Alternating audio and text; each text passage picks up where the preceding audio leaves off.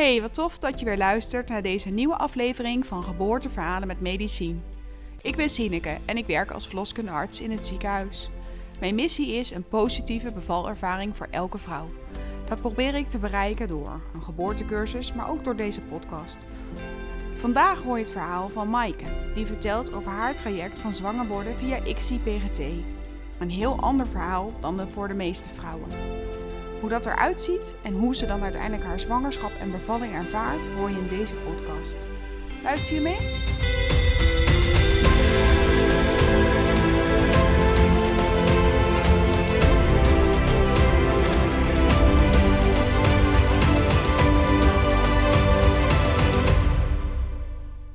Hey Maaike, welkom in mijn podcast. Wat leuk dat je je verhaal wil vertellen. Ja, zeker. Wil je jezelf even voorstellen? Ja, ehm, mijn naam is Maaike. Ik ben eh 31 jaar, getrouwd met Dion. En eh, wij hebben bijna zeven maanden geleden onze dochter uh, Suze gekregen. Ja.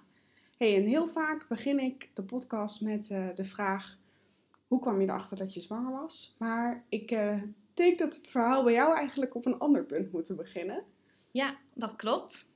Ja, bij ons eh, begon het eigenlijk nog wel daarvoor. Want ehm, eh, bij Dion en de familie zit een erfelijke ziekte. Eh, waarvan wij al heel lang wisten dat zijn moeder eh, dat had. En toen wij bedachten eh, dat we misschien wel een keertje kinderen zouden willen, toen ehm, begon eigenlijk ehm, nou ja, dat hele verhaal met, nou ja, heeft Dion die ziekte dan ook wel of niet? Ehm, dus zo is eigenlijk ons verhaal, verhaal begonnen dat we hem hebben laten testen. En toen bleek helaas dat hij het ook had. En dat had nou ja, ook consequenties voor ons voor het eh, krijgen van kinderen. Of in ieder geval kon consequenties hebben, want we konden daarvoor kiezen of dat we daar iets eh, nou ja, mee wilden. Dus of we konden voorkomen dat eh, ons kindje die aandoeningen niet zou krijgen. Dus dat we dat uit, uit konden selecteren. Ja, want het is dus een ziekte waarbij hij er gelukkig nog helemaal nergens last van heeft. Ja. Dus daarom wisten jullie eigenlijk nog niet of hij het wel of niet had. Ja, klopt. Het is een ziekte die eh, eh, nou ja, in, het, in het DNA zit, zeg maar. En eh, waarin je nou ja, gedurende je leven ziek kan worden. Ehm, en we hebben ervoor gekozen om het, nou, de ziekte hier niet te benoemen. Ehm, maar inderdaad, nu is hij gelukkig helemaal gezond en weten Mhm. we niet zo goed wat het voor hem zelf betekent voor de toekomst. Ehm, maar wel wat het zou kunnen gaan betekenen. Dus we hebben er toen voor gekozen om in ieder geval ervoor te zorgen dat ons kindje dat niet zou gaan krijgen. En ehm, daarbij zeg je dus eigenlijk direct al, je kunt iets gaan uitselecteren. Nou, ik denk dat voor heel veel mensen dan denken, eh, waar heb je het over? Want hoe wist je eigenlijk nou ja, dat dat een optie was? Was dat iets wat al verteld was vanuit de ziekte die zijn moeder had? Of, of hoe was dit op je pad gekomen? Misschien wel goed om even te kort te vertellen dat wij collega's zijn. Dus je bent zelf ook arts. Wij kennen elkaar eh, uit het ziekenhuis waar we werken allebei. Ja. Dus ik kan me ook wel voorstellen dat het, nou ja, ik ken dit natuurlijk ook wel uit mijn werk dat dit mogelijk is. Maar wist je dit ook al vanuit een andere route? Eh, eigenlijk niet. Nou ja, wel eens ooit van gehoord dat zoiets kan, maar nou ja, wat het dan precies is of hoe en wat, dat wist ik eigenlijk niet. Ehm, maar er is toen de tijd, toen zijn moeder werd getest, wel gezegd, ehm, ondertussen zijn er technieken waarmee je het uit kan selecteren bij een kind. Ehm, dus daar is toen zijn moeder al over geïnformeerd. En toen wij dus eh, nou ja, daarover nadenken waren, toen eh, eh, hebben we wel heel bewust voor gekozen om dus hem eerst te laten testen zodat we dan konden nou ja, bepalen wat, nou ja, hoe verder. En hoe gaat zoiets dan in zijn werk? Ga je dan naar de huisarts toe en zeg je, joh, wij hebben een kinderwens, wat nu? Ja, klopt. Ja, hij is naar de huisarts geweest en heeft een eh, verwijzing eh, voor de klinisch geneticus eh, gekregen. Dus de, de arts die nou ja, erfelijke ziektes test ehm, en behandelt. Ehm, en toen zijn we daar naartoe gegaan en toen hebben we allereerst een informatiegesprek gekregen. Omdat het best wel wat kan betekenen ehm, als, om je DNA te laten testen. Dus dat gesprek ging eigenlijk vooral over, nou, wil je het wel weten? En wat, wat houdt het eigenlijk in om te weten wat voor ziekte je misschien bij je draagt? Ehm, en dat is op allerlei gebieden, op, nou ja, zeg maar zelf lichamelijk, maar ook eh, psychisch, maar ook qua nou ja, verzekeringen, hypotheken. Er komt best wel wat bij kijken om te weten of je wel of niet een erfelijke ziekte bij je draagt. Ehm, dus inderdaad, was huisarts, klinisch geneticus en eh, nou ja, die doet dan uiteindelijk ook het onderzoek daadwerkelijk eh, met bloed om te kijken of dat...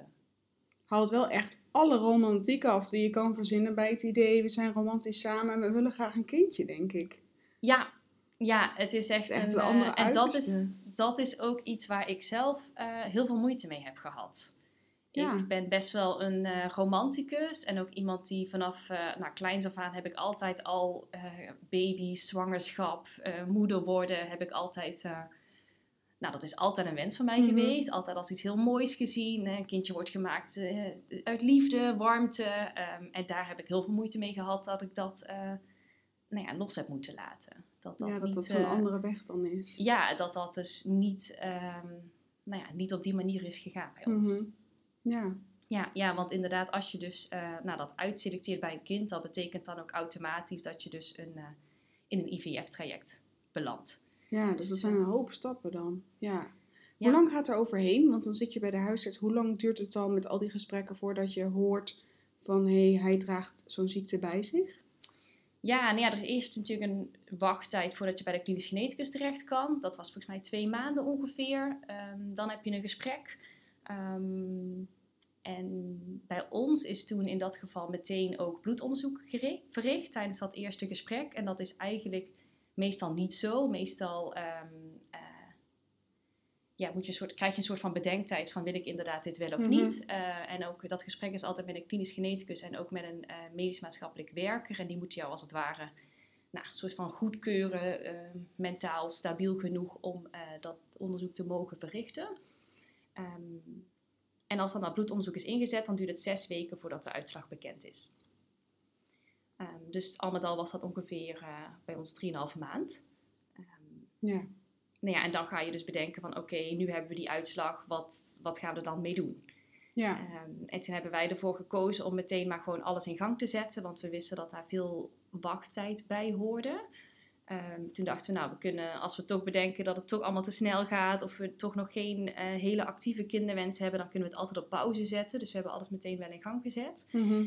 En dat betekende dus dat we een verwijzing kregen naar ehm, eh, de genetica-afdeling in Maastricht. Want dat is eigenlijk het enige ziekenhuis in Nederland dat ehm embryoselectie doet. Dus die er eh, PGT heet dat. Dus dat is pre-implantatie genetisch testen. Dus dat betekent eigenlijk dat je dus embryo's gaat maken en dat je nou ja, de embryo's die de aandoening wel hebben, dat je die eh, vernietigt. En de embryo's die de aandoening niet hebben, dat je die dus behoudt en kan gebruiken eh, voor een zwangerschap. ja, dus je gaat het hele IVF-traject in. Misschien even kort samenvatten. Dus het betekent dat jij als vrouw gaat hormonen spuiten. Ja. Zodat er eitjes gaan groeien. Nou, die heb je al, maar dat, je ei, dat ze die kunnen gaan oogsten. Dan gaan ze de embryo's van maken, die gaan ze laten groeien. En dan nemen ze daar een cel vanaf en die testen ze, denk ik, als ik het goed zeg. Hè? Ja, ik heb Ja. me wel eens een beetje verdiend. Ja, maar... klopt. Ja, dus ehm, eh, je gaat inderdaad eh, eh, spuiten, ehm, waarbij nou ja, in de normale cyclus komt er elke maand één cel vrij. En nu wil je er eigenlijk zoveel mogelijk laten Ja. groeien.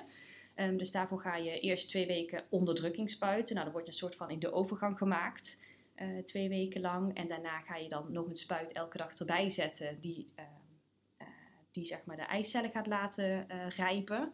Ehm, en dan komt dus ook de fase dat je dan eh, om de dag ongeveer een echo laat maken. Moest je daarvoor ook naar Maastricht? Of mocht dat wel in je lokale ziekenhuis? Nee, dat was ehm, eh, Maastricht werkt voor, dit, eh, eh, voor, dit, voor deze reden voor IVF samen met eh, eh, Utrecht, Groningen en Amsterdam. Mhm. Dus ehm, eh, wij zaten in Utrecht, want dat is het dichtste bij onze woonplaats. Ehm, en dan ongeveer om de dag moesten we daar naartoe Ja. voor een echo. Ehm, en dan op een gegeven moment dan, eh, nou, dan is het soort van eh, de optimale situatie, zeg maar. Dan zijn de eicellen rijp, zoveel als er kunnen. En dan ga je een punctie inplannen. Dus dat betekent dat je naar het ziekenhuis gaat en dan krijg je verdoving. Ehm, en dan gaan ze eh, via eigenlijk de vagina prikken ze met een naald in je eierstok en gaan ze al die rijpe eicellen ehm, eruit halen. Ehm, Hoe vond je die ingreep? eh, ik was er heel bang voor, Mhm. omdat ik had begrepen uit de folders dat het heel erg verschilt per persoon hoeveel pijn het doet. Dus ik vond het heel spannend en ik wilde ook heel graag dat het veel eicellen waren en dat het goed zou gaan. Ehm, maar uiteindelijk, ik, eh, je krijgt eh, nou, drie soorten pijnstillers of zo, waaronder ook eh, morfine via een infuusje. Ehm, en ik heb er eigenlijk heel weinig van gevoeld. Oh, dus een achteraf is het heel erg meegevallen, maar ik heb me er vooraf wel heel erg druk, druk om gemaakt. En het was een goed resultaat, want ze hebben toen bij mij eh 13 eicellen ehm, eh, eruit weten te halen.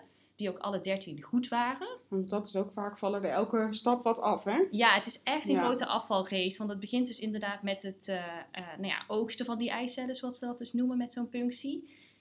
Dan moeten ze goed genoeg zijn om een eh, bevruchting bij te laten plaatsvinden. Ehm, dus een aantal raken er niet bevrucht. Dan een aantal groeien er niet goed door. Een aantal worden niet een helemaal goede embryo. En bij ons was het uiteindelijk zo dat er van de 13 eicellen 8 werden een mooie embryo. Dat is volgens mij ook een best heel goed percentage. Ja, dat is best goed inderdaad. Dus eh, we waren in die zin eigenlijk ook best wel optimistisch. En te dachten van, eh, nou, wij zijn eh, diegene waarbij we straks nou, heel veel ook nog in de diepvries beland. om voor later eventueel nog een keer te gebruiken.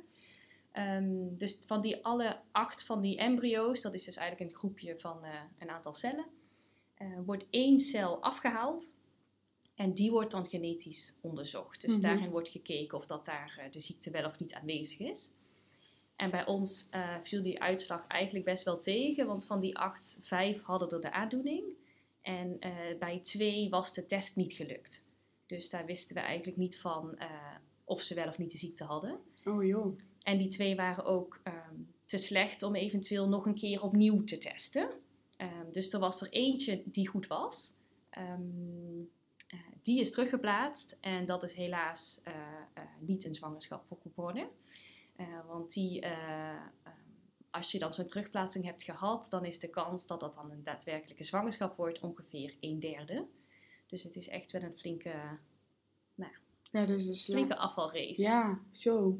En dus inderdaad, nou kijk, ik, ik, de kans dat, dat, dat het overgedragen wordt, is denk ik 50-50, als ik Ja, het goed zeg. hè? Klopt. Ja. Dus vijf van de acht, ja, dat valt dan al net niet zo positief uit. Maar dat dan ook vervolgens de testen verder nog zo negatief uitvallen, Ja. dat is dan het meest Ja, dat was- dat was ook echt Ja. wel een, een dikke tegenvallen. Want dat hadden wij, ze hadden wel tegen ons gezegd dat dat heel soms voorkwam. Dat dat Ja. zou kunnen.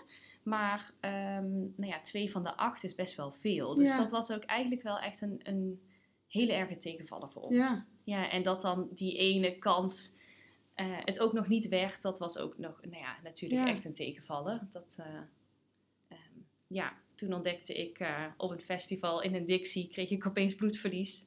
Oh. Dus dat was een hele nou, niet fijne situatie, dat ik toen dus ontdekte van, nou, dit gaat hem gewoon niet worden. Nee. Ehm, En dan heb je zo'n grote ronde met medicatie en happening gehad om Ja. te hopen zwanger te worden. En misschien ook wel meerdere kansen te krijgen om zwanger te worden. En dan Ja. weet je dat je eigenlijk weer helemaal op nul staat. ja, klopt, Ja. klopt. En, eh, want we hadden dus ook niks meer in de diepvries wat we eventueel nog konden gebruiken. Dus dat betekende eigenlijk dat onze nou ja, eerste poging eh, nou ja, heel snel voorbij was. En is het zo, want ik weet dat voor algemeen IVF geldt dat je drie pogingen krijgt. Is dat hiervoor net zo? Ja, klopt.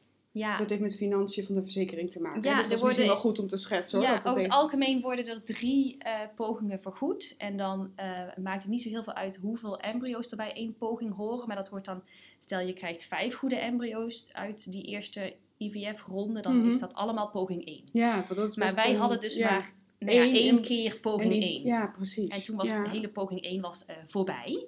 Ehm, dus dat betekende eigenlijk dat, ehm, eh, nou ja, dat het hele circus van vooraf aan nog een keer opnieuw ging beginnen. Ja, En dan moet je eerst weer een keer eh, menstrueren, moet je cyclus weer op gang komen. Je begint zo'n IVF-cyclus met een tijdje de pil slikken. Ehm, dus wat dan- ook heel tegennatuurlijk denk ik voelt als je zwanger wil worden. Ja, klopt. En het is best een lang, eh, lang traject. Want je moet een tijdje de pil slikken. Dan moet je dus weer twee weken alleen die onderdrukking spuiten. Dan de stimulatie erbij. Dat duurt ongeveer twee weken. Eh, nou ja, en dan weer opnieuw die punctie. En eh, wij konden uiteindelijk best wel snel weer opnieuw beginnen. Wat ik wel zelf heel fijn vond. Ehm, alhoewel de tweede keer ik als heel veel zwaarder heb ervaren als de eerste ronde. Waar lag dat aan voor je gevoel? Mm, na de eerste ronde eh, was er ook heel veel positiviteit. Als in van, nou, we kunnen gaan beginnen. Spannend. eh, nou ja, fase in je leven waarin je met kinderen bezig bent.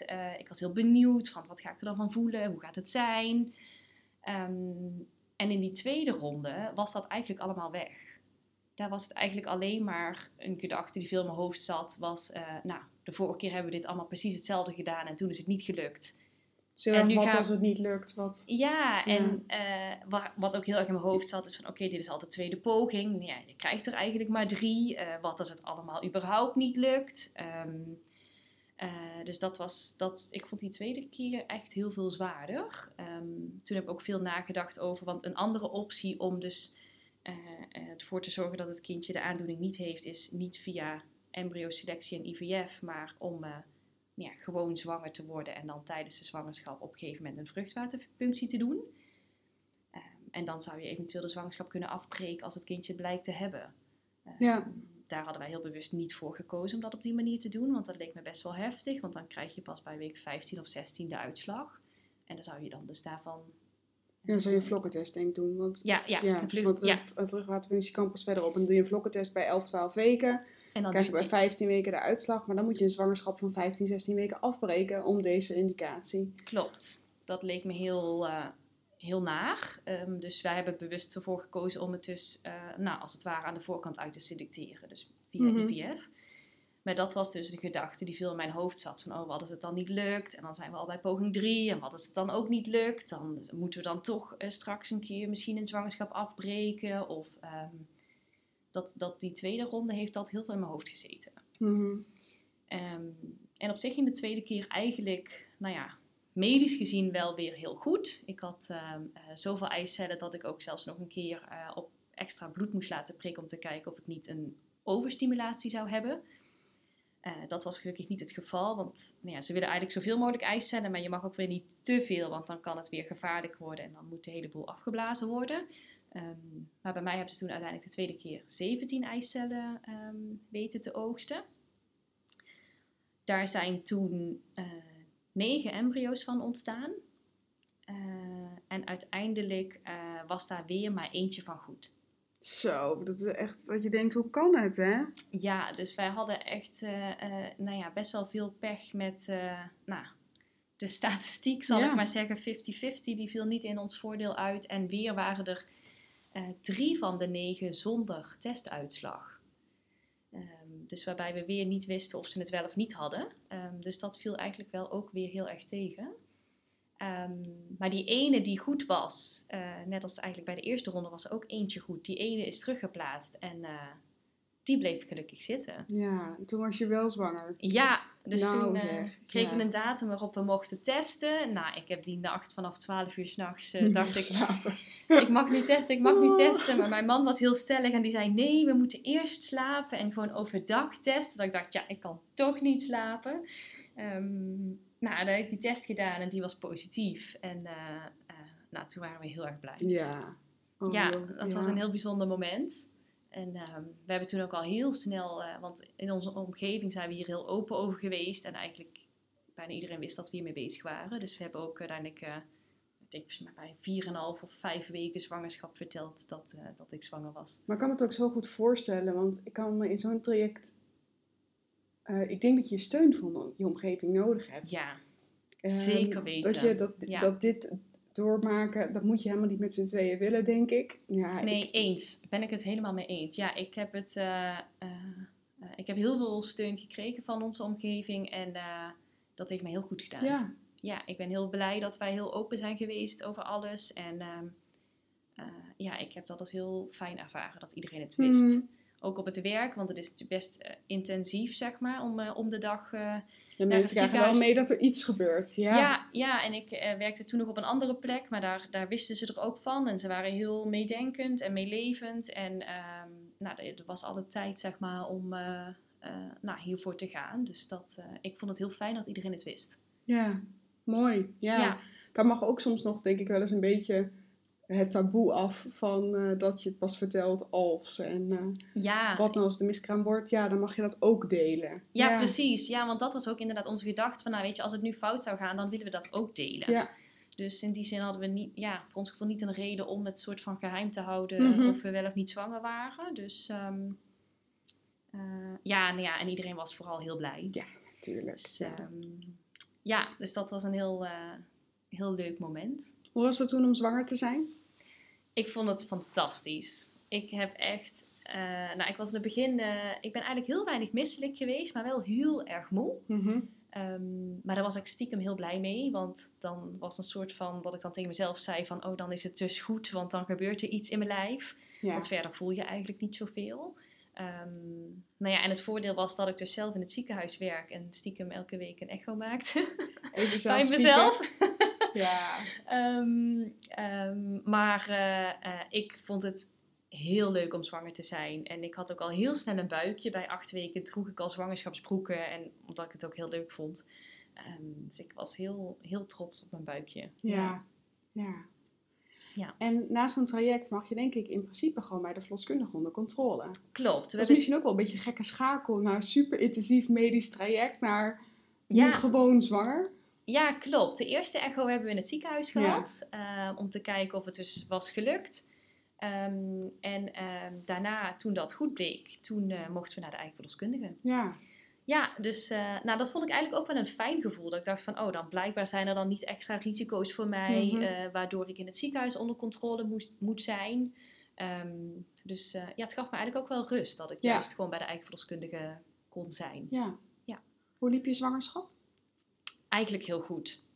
In het begin, bij ongeveer 8,5 weken, heb ik een keer bloedverlies gekregen. Toen, nou, toen waren we, nou, was vooral mijn man echt heel erg in paniek. En ik was ook wel heel bang. Dat ik dacht, oh, nou is het fout. En eh, nou, toch weer niet goed ehm, gelukt. Maar eh, dat bleek allemaal goed te zijn, toch? Ehm, en uiteindelijk eh, heb ik mijn hele zwangerschap een soort van, nou, als mijlpaaltjes gezien. Dat ik dacht, oh, eh 12 weken, oké, nu is de kans op een miskraam kleiner. Bij 16 weken vond ik zelf een heel belangrijke grens, omdat dan wordt het beschouwd als een gelukte IVF-poging. Mhm. Ehm, dus stel, dan gaat het daarna toch nog mis, dan begin je daarna weer met poging 1, volgens de zorgverzekering. Oh, ja. Dus dat was voor mij wel een belangrijke grens. Eh nou, 20 weken op de helft en toen was het 20 weken echo goed. En nou, bij 24 weken was het levensvatbaar. En nou, zo ging ik zeg maar van mijlpaaltje naar mijlpaaltje. Ehm, en ik voelde me echt eh, eh, heel goed. Ik, was, ik vond mezelf heel mooi, zwanger. En ik genoot heel erg van mijn buik die groeide. En eh, eh, ja, ik heb er echt heel erg van genoten. Nou, wat fijn. Ja. Ja, en toen op een gegeven moment, eh, eigenlijk ging alles perfect. Ja. Alles, alles ging goed, de controles waren elke keer goed. ehm, en bij 36 weken ben ik met verlof gegaan en het was warm, het was in de zomer. En op een gegeven moment kreeg ik steeds meer jeuk. Toen dacht ik op een gegeven moment, ik vind wel dat ik heel veel jeuk heb. Ik ga toch een keertje nog naar de verloskundige bellen.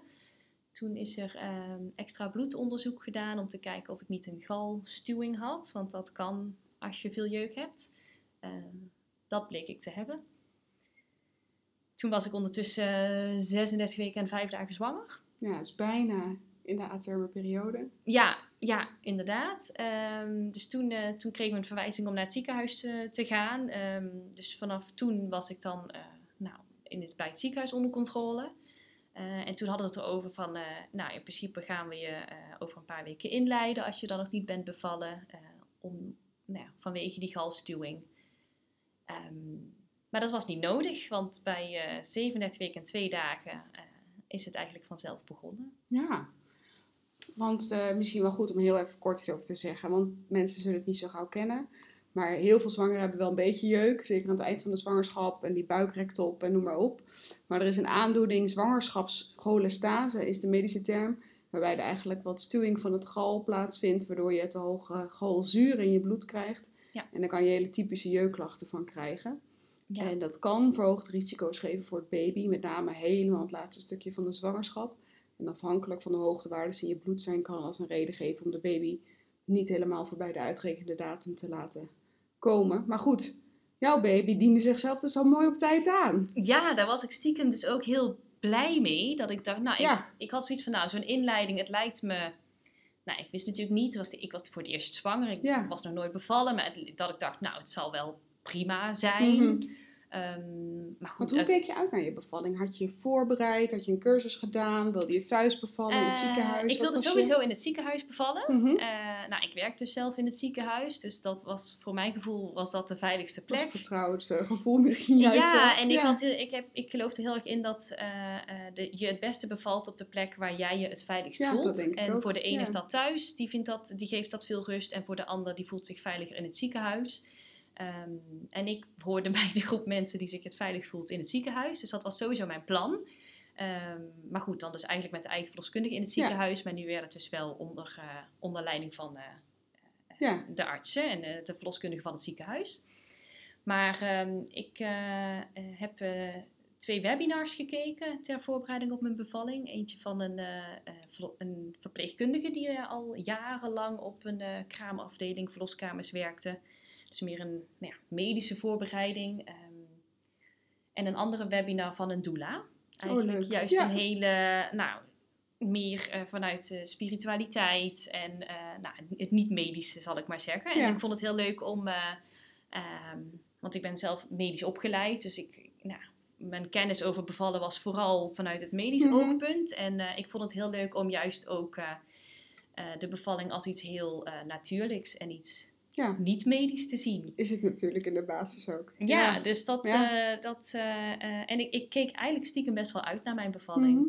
Ik Mooi. had heel erg. Ik was heel benieuwd hoe ik, hoe, hoe ik dat zou vinden. En ehm, ik, nou, ik had. Ja, je- ik bedoel, ik wist wel dat het pijn ging doen. ehm, maar ik, ik keek er wel naar uit of zo. Ja, ik was heel Ja, benieuwd om een kindje te ontmoeten. We wisten niet of het een jongetje of een meisje was. Ehm, en eh, ja, ik was gewoon heel benieuwd. Ik had op een of andere manier zelf bedacht dat ik best een goede bevaller zou zijn of zo. En ik was daar heel benieuwd naar of dat ook zo ging zijn. Ehm, ehm, dus ik heb me niet, eh, we hebben niet cursussen gevolgd Nee. of iets, maar eh, wel. Ja, dat is misschien ook het gevoel van ik heb wel veel kennis al ook in huis, maar je hebt dus ook wel wat dingen gedaan vanuit Ja. Twee hoeken. ja. en ik vond het heel leuk om eh, ook eh, eh, juist meer vanuit de niet-medische kant Ja. dit te benaderen. Dus Ja.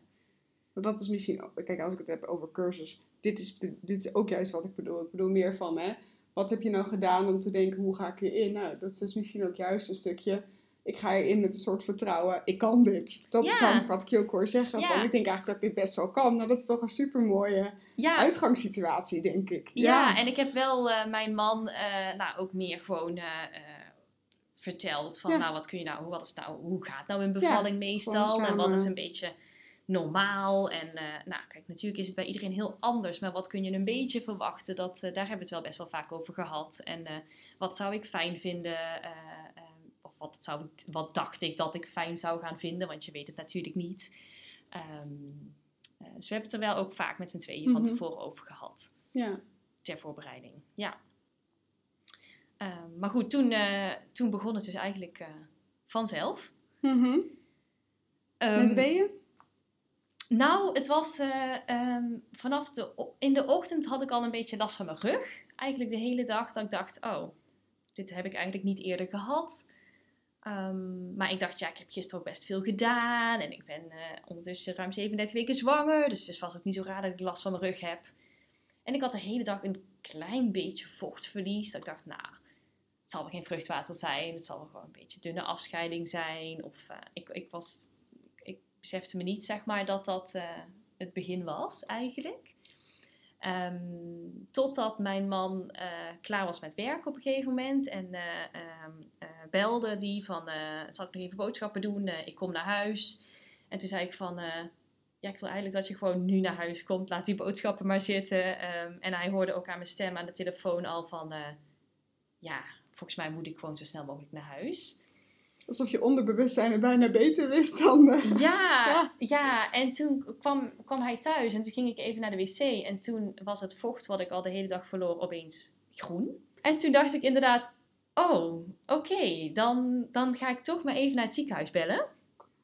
Eh, nog steeds in mijn hoofd met, nou, het zal wel niks zijn. En eh, ja, nee, het, het is nog te vroeg om te bevallen. hoe je dan merkt dat je het zelf bent, hè? Ja, echt Ja? anders. Ja. Want op een of andere manier dacht ik ook van, eh, eh, ja, ik wil ook niet in het ziekenhuis aankomen en dat het, eh, dat, dat het allemaal niks is of zo. Terwijl Ja. wij zien natuurlijk heel vaak mensen hier als zorgverlener. en, Alsof en dat, ik- erg is als je in het Ja. ziekenhuis komt en het niks is. Nee, ik zeg Dat- ook altijd van, nou, het is heel fijn dat het juist niks Niks is. Ik ja, bedoel, precies. dat, ja, weet je, dat, je Ja. dat is helemaal niet dat je dan niet had hoeven komen of zo. Nee. Ehm, maar op een of andere manier had ik dat in mijn hoofd van, van oh ja, ik wil niet te vroeg gaan of zo.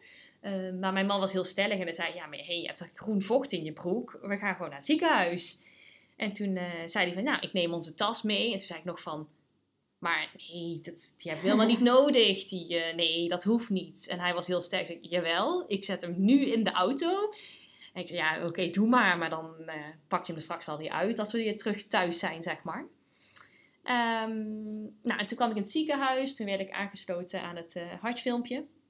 Dat zag er gelukkig goed uit. Ehm, maar daar was ook op te zien dat ik eigenlijk elke vijf minuten een, een harde buik had. Of in ieder dat mijn baarmoeder uh, samen trok. En dat ik dacht, oh, dat is eigenlijk de pijn die ik al nou, de hele dag voel. Um, maar dus in je rug? In mijn rug. Ja. Ja, en voor mijn gevoel was het ook helemaal niet per se dat het heel erg in, in golven was. Of dat het kwam en weer afzakte. Maar nou, blijkbaar dus wel, volgens dat mm hartfilmpje. Um, en toen gingen ze dus kijken of dat het vruchtwater was. Wat, uh, dat vocht wat ik had. Uh, dat bleek vruchtwater te zijn.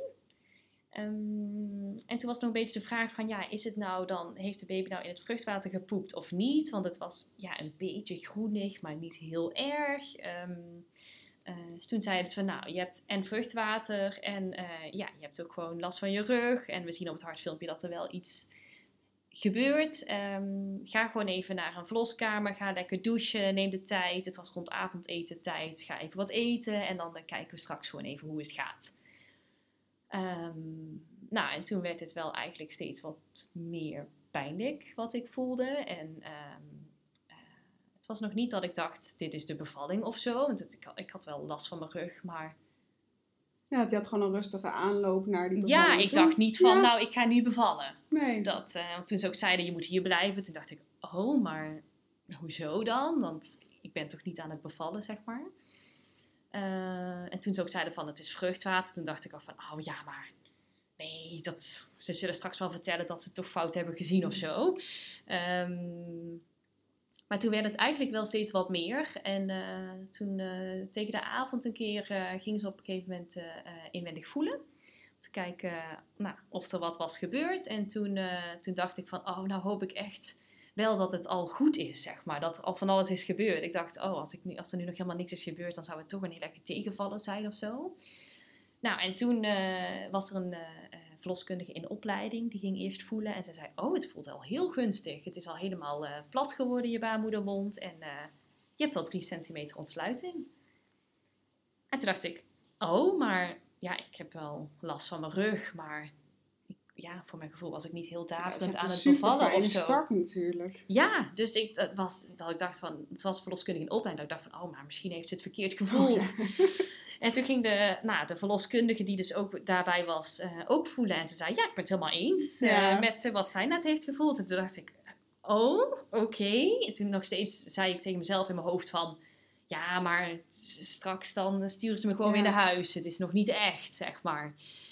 Um, en toen zei de verloskundige wel, die toen dus ook voelde van... oh, ik voel wel dat er uh, beneden, voel ik wel nog de vliezen staan. Ja, um, wat ook wel paste bij die hele kleine beetjes water... die je natuurlijk elke keer verloor. Dat er ergens waarschijnlijk hoogop een klein scheurtje in de vliezen zat. Ja. maar ze waren niet finaal gebroken. Nee, dat legt het inderdaad ook uit. Van, nou, ik denk dat er ergens ja. een gaatje in de vliezen zit. Inderdaad, maar niet, uh, niet voor de uitgang.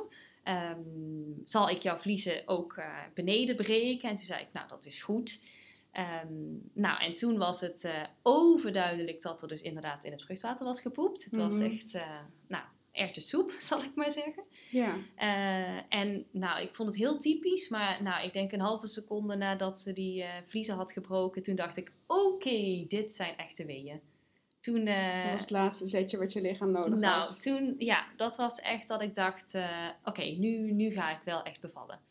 Toen dacht ik, oké, dit is een echte wee. Ja. Dit is anders dan alles wat ik tot nog toe heb gevoeld. Um, en toen dacht ik, uh, nou, daar gaan we of zo. Mm -hmm.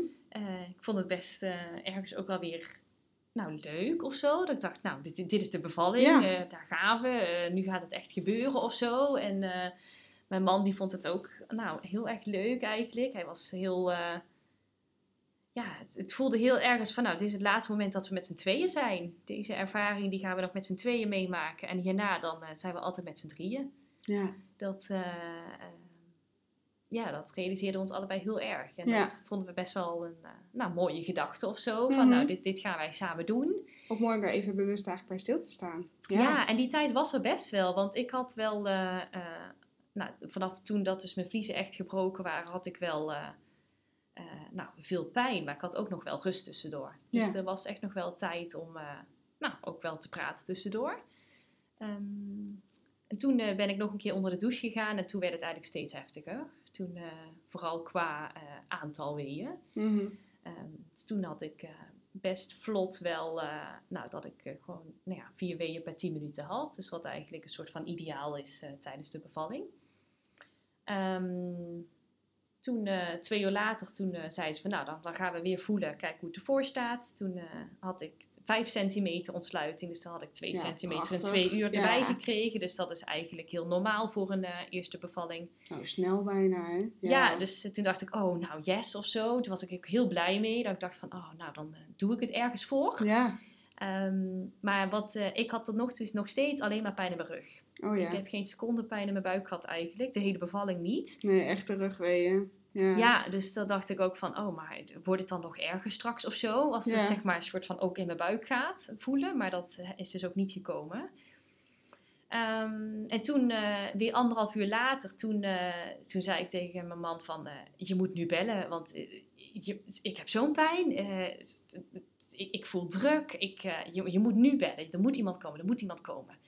Ehm, en op een gegeven moment was ik op, eh, in die tussentijd was ik op bed gaan liggen en het was ook midden in de nacht. En Mhm. eh, elke keer tussen de weeën door, dan doezelden we een beetje weg. En dan kwam er een wee. En dan eh, nou, gingen we samen heel erg proberen op de ademhaling te letten. En ik probeerde verschillende houdingen aan te nemen. Omdat ik dus allemaal had begrepen dat dat kon helpen, zeg maar, om je bevalling Ja. goed te laten verlopen. Ehm, dus eh, anderhalf uur na die vijf centimeter, zeg maar, toen kwam er weer iemand en toen eh, had ik acht centimeter. Dus toen was, ik heel, eh, toen was ik ook heel blij mee. Verklaart ook goed het gevoel van, ik trek het bijna niet meer. Dat is natuurlijk heel Ja, het hoort een beetje bij die 8 Ja. centimeter, hè? Ja, ja. en toen, toen zei ze van, ik ga op de kamer blijven, want volgens mij gaat het best snel. En dat vond ik, he- dat vond ik heel fijn dat ze dat zei, want ik dacht houvast. En, ja, ja, want ik, ik was ook, ik zeg, ja, ik, ik heb gewoon druk, ik heb druk. En ik had nog niet per se het gevoel dat ik moest persen, maar ik dacht wel, oh, er gebeurt zoveel daar beneden. En een, eh, een half uur later eh, had ik volledige ontsluiting en eh, zei ze, nou, het hoofd zit al zo diep, we gaan beginnen met persen. Jo, ja, En dat vond ik een heel raar idee. Dat ik dacht van, oh, maar huh, dan is het nu opeens echt, echt of zo. Dan Ja. gaat de baby bijna komen. Eh, dat heeft wel nog lang geduurd. Want eigenlijk ging dus de ontsluiting best wel snel. Mhm. Eh, en uiteindelijk heb ik eh, twee uur en elf minuten geperst. Dus je moest er hard voor werken, het laatste stuk. Ja. Nou, dat, eh, dat kun je wel zeggen. Ja, dat vond ik ook echt... eh, ik vond het ook echt hard werken. Mhm. Ja, maar het ging wel... want ik zei het telkens tegen de verloskundige... heb ik heel vaak gezegd volgens mij van... ja, als het, als het niet vooruit gaat, dan, eh, dan moet je het zeggen hoor. Dan, eh, ja. ik, ik wil wel dat, het, dat ik het ergens voor doe. Als, het- als het niet goed gaat, dan moet je het echt zeggen. Zei nee, maar het gaat langzaam. Maar de baby komt elke keer... eh, Dieper, ja, ja. het gaat goed. Het gaat... En ik dacht van, ja, maar weet je het wel zeker? En toen zei ik op een gegeven moment... Ik wil meekijken met de spiegel. Ik wil Ja, ik gewoon wil het zelf zien. Zei, ik wil, ik wil zelf zien of ik het goed doe. En ik vond dat heel fijn. Want dan, Ja, dan heb je echt eh, visuele feedback van, hé, hey, Ja. pers. Maar dat werkt natuurlijk ook, want dan zie je gewoon wat de verloskundige ziet. ja, en Ja. ik vond dat heel fijn. Want Ja. dan kon ik heel erg zien eh, van, nou, als ik dit doe, dan komt de baby echt dieper. Ja, Eh, wat een slimme keuze ook voor jezelf. Als je merkt, hé, hey, ik heb elke keer weinig vertrouwen in wat ik voel. Omdat, het- dan voel je natuurlijk van alles, maar Ja. dan, ik zie het. Dan, ja, dat eh, vond ik ja. heel fijn. Ja. Ja. En eh, op een gegeven moment, na, toen ik anderhalf uur aan het persen was, toen eh, zei de verloskundige op een gegeven moment van, nou, ik, ik kan overleggen eh, eh, of we eventueel een vacuüm zouden moeten doen. Ja, Eh, omdat je nu wel best lang bezig bent en eh, het er niet naar uitzag dat de baby echt heel snel geboren zou worden. Ehm, maar toen zei ze ook, ja, op het hartfilmpje zien we eigenlijk dat de baby het goed doet. ja. Eh, nou, ik, had, eh, ik was best wel fit, ik had veel gesport in mijn eh, zwangerschap. Ik, ik had ook nog wel conditie. ja. Toen zei ze, ja, maar ja, weet je, met jou... niet, nee. Nee, met jou gaat het goed, met de baby gaat het goed. Ja, waarom zouden we dan eigenlijk een nee, maar dat is toch ook doen? een heel mooi bespreekpunt. Dat Ja. vind ik ook, ik denk ook dat dat juist een heel mooi... En tegelijkertijd ook wel fijn dat ze het wel met je bespreekt. Ja, dat, Dat, je ook wel weet dat er opties zijn of zo. Want soms kun je ook niet in iemands hoofd kijken. Hé, hey, wat gebeurt er in jouw hoofd? En, en waar zit jij Ja. eh, met Ja. hoe het met je gaat en wat ja, je dat hadden, we ervaart? ook, dat hadden we ook aangegeven. Dat, eh, dat ik het wel fijn vind als ze gewoon eh, nou, open zou communiceren. Ja. Van nou, wat, wat zit er in je hoofd en, en wat zit er in mijn hoofd. En Ja, nou, dat we gewoon op één lijn bleven. Dus dat vond ik fijn inderdaad. En dus toen gingen we door. En toen, toen ik dus twee uur op een gegeven moment bezig was, toen zei ik van... Oké, ik begin nu wel best moe Ja. te raken. Ja. Het gek? Ehm, eh, en toen zei ze van, eh, ja, het, eh, het gaat nog steeds wel goed, maar ehm, eh, ja, wat ik kan doen is eventueel een knip zetten. Mhm. Ehm, want dan denk ik dat de baby er wel bijna is. Maar toen zei ze wel van, ga ik wel overleggen met de arts, want ik wil dan wel dat de arts dat ook weet, dat als de baby dan nog niet komt, dat we dan alsnog met een vacuüm de baby dan geboren kunnen laten worden. Zei ik, nou dat is goed. Eh, nou, toen was die arts bezig, dus toen moesten we even wachten. Mm. Ehm, dus uiteindelijk, eh, eh, nou, toen ik dus twee uur en elf minuten bezig was, toen is de knip gezet en toen kwam, Toen kwam ze. toen kwam ze, ja, eigenlijk de wee, meteen de volgende wee. Ehm, dus, en toen, ik, het enige wat ik dacht is, het is gelukt. Ja. Ze is er en ze huilde meteen, het, toen alleen nog maar het hoofdje geboren was, het lijfje nog niet. Toen huilde ze al. Ja, Dat prachtig. ik dacht, hoe kun jij huilen? Zit jij niet helemaal nog opgefrommeld? Maar blijkbaar kon dat. Ehm, eh, dus dat vond ik ook heel fijn. Ja.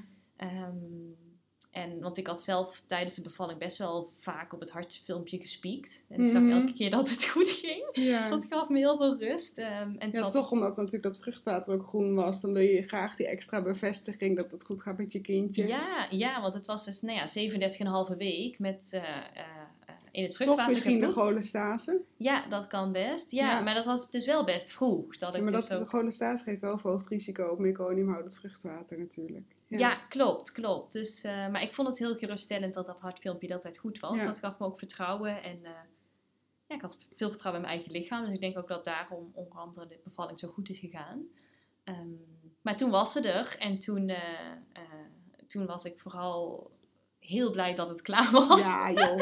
ik was helemaal totenlos. Ik was helemaal uitgeput. En mijn man die was helemaal, helemaal in tranen. En die Oh. vond het fantastisch om eh, eh, nou, haar te zien. En achteraf hoorde ik van hem dat hij nog best wel geschrokken was toen ze geboren werd. Want ze had een heel, nou ja, punthoofd, zal ik Helemaal maar zeggen. vervormd door de lange uitdrijving. Ja. Ja. dus hij dacht van, hè, maar hoofd, hoofd, hoofd, stop dat hoofd nog een keer. Eh, maar goed, hij dacht Dat dat, ja, komt goed, maar dat de je... verloskundige bleef rustig en de verpleegkundige bleef rustig en ik bleef rustig. Dus hij dacht, nou, die Dat mensen hebben allemaal vaak bevallingen gezien, het zal wel goed zijn. Ja. Ehm, en dat trok ook heel snel bij. Ja. Ehm, eh, en toen op een gegeven moment, toen ze dus, eh, nou, voor mijn gevoel al tien minuten oud was, maar ik denk dat het minder was. Toen zei de verloskundige van, eh, kijk maar eens eh, wat het is. Oh Want ja, wij wisten helemaal niet of het een jongetje of een meisje was. nee. En toen dachten wij, mijn man en ik dachten allebei van, oh ja, daar hadden we nog helemaal niet aan gedacht. Je had eerst gewoon een baby gekregen. Ja, ik Ja. was alleen maar bezig met, het is gelukt. Ja. Ze is er. Ja, maar kan ik me ook voorstellen. En, ehm, ja. Ja, en toen, eh, nou, toen keken we tussen de benen en toen eh, was het een meisje. En eh, Ah, ja. toen, nou ja, ik, met een jongetje was ik net zo blij geweest, maar... Nou, maar het is ook heel leuk om dan uit te vinden wat de Ja. verrassing is waar je al die maanden... Ja, dat, Ja. Vond ik, dat vond ik heel leuk. Dat het, omdat natuurlijk bij ons heel weinig een verrassing was. Omdat iedereen wist dat we bezig waren met zwanger worden. En iedereen wist precies wanneer de punctie was en al die data. Want je had misschien ook wel met de embryoselectie al kunnen uitvinden of het een jongen of een meisje was. Of mag dat niet? Nee, dat mag niet. Oh, grappig. Ja, want Ja. ze weten het wel. Ja. Want dat is dus natuurlijk... eh, ja, nee, ze testen niet. echt alleen maar dat Oh ja, stukje. DNA eh, waar het dan om gaat. Ehm, eh, overigens, als je dat nu doet, dan hoor je dat wel. Of het Oh, dat is tegenwoordig is. Dat anders is geworden. veranderd. Oh, ja. ja. Ehm, eh, maar dat, ja, er was al zo weinig een verrassing dat we het leuk vonden nee, om dit een verrassing. En uiteindelijk vond ik het dus ook heel leuk dat, dat ze bij 37,5 week geboren werd. Want dan was het toch stiekem ook nog wel een verrassing toen we iedereen op gingen bellen dat ze er was. Omdat ze zo mooi vroeg kwam. Ja. Ja, dus eh, dat, eh, dat vonden we heel leuk. Ja, ja. Ik denk ook dat het zo mooi is van als je het, je zegt ook van wat het zo'n eh, positieve bevalling maakt, is net de zin die je zegt. Je hebt zoveel regie gehouden in je bevalling en tegelijkertijd ook zoveel losgelaten door elkaar heen. En dat is Ja. echt heel mooi hoe je dat vertelt. Ja, Ja, en ik, ik, eh, ik zei ook heel erg tegen mezelf steeds van, eh, die weeën die doen pijn, maar die weeën die helpen mij. Mhm. die helpen mij. Elke wee ben ik dichter bij Ja. eh, het worden van moeder. En Ja. zo heb ik het ook heel erg gezien. Dat ik dacht, die weeën die zijn niet, die werken niet tegen mij. Die, die willen mij niet pijn doen, maar die willen mij helpen. ja. Ehm, en ik denk dat dat, Ja, geweldige mindset, denk ik. Ja, Bijna een soort mantra veel- van... Ja, Ja, is- je hebt wel eens ook van die ehm, geboortemantra's op kaart en dergelijke, hè? ja. Dat ze zeggen, deze wee brengt mij dichter bij mijn baby. Of nee, dat ja, soort... en zo eh, zag ja. ik het ook Ja, heel erg. ja. Dat, eh, ik, eh, en ergens vond ik het ook, ja, het was hartstikke pijnlijk hoor. Ik bedoel, ik moet, ik, nou ja, ik herinner me vooral de mooie dingen, maar het was ook gewoon hartstikke pijnlijk. Maar ik, ik vond het ergens ook heel leuk of zo om te bevallen, omdat, nou, ik was al, ik was heel benieuwd gewoon hoe ik dat Ja. zou vinden en nu was het dan eigenlijk zover. Ja, Dus, ehm, ja, en het was allemaal heel goed gegaan, dus daar was ik ook heel blij mee. ja, mooi. Ik vraag aan het eind van elke podcast... Wat is een tip die je mee zou geven aan vrouwen die zwanger gaan worden, misschien net zwanger zijn of gaan bevallen? Ik denk al best een heel aantal tips meegegeven, maar als je nog eentje wil Ja, noemen. ja, ik zou toch echt zeggen, ehm, vertrouw op je eigen lijf. Ja. Ja, en eh, zie die bevalling als iets eh, ehm, nou ja, wat, wat jou helpt, wat je nodig hebt. In plaats van als iets ehm, wat tegen je werkt. Ja, Ja, Mooi. dat, eh, ja. En geniet ervan. Maar goed, dat is heel, heel erg cliché, maar probeer heel erg te genieten. Want het is eigenlijk maar een hele korte tijd. Ehm, en, ik heb daarna ook heel erg mijn buik gemist.